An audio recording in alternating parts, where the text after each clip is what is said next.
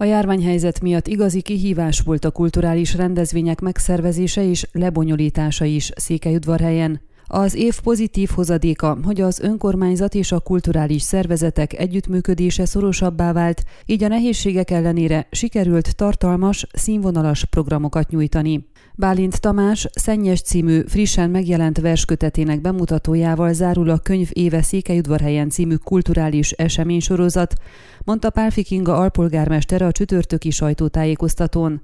Ami a rendezvények szervezését és lebonyolítását illeti, rendkívül nehéz periódus volt, ám a hivatal és a város kulturális intézményei között eddig is meglévő kapcsolat szorosabbá vált.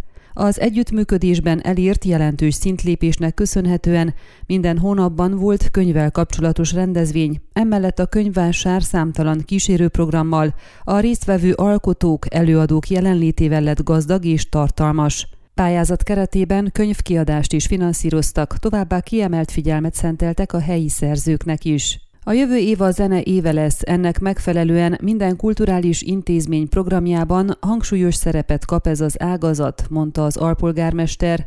Szőcs Endre, a Városi Könyvtár igazgatója elmondta, a vírus helyzet ellenére a programok nagyon jól sikerültek, az együttműködés rendkívül jó kapcsolatokat teremtett az intézmények között.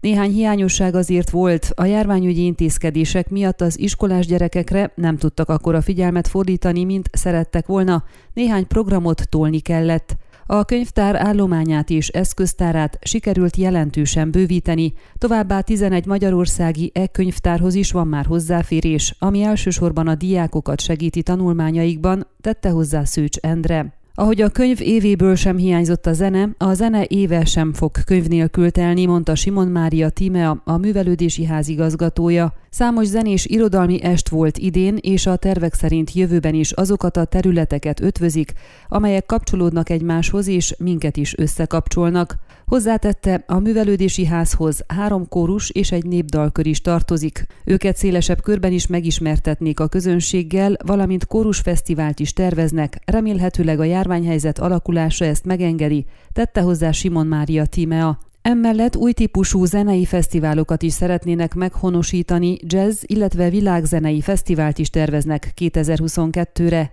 Pálfi Kinga alpolgármester zárásként elmondta, már dolgoznak többek közt a nőnapi koncert, illetve az udvarhelynapok megszervezésén. Az eddig bejáratott rendezvények továbbra is maradnak, a Szikulusz és a Kamara Zenei Fesztivál továbbra is szerepelnek a város kulturális tervei között. Pályázati vonalon több intézményt és civil szervezetet is fognak támogatni zenei programok, események szervezésében.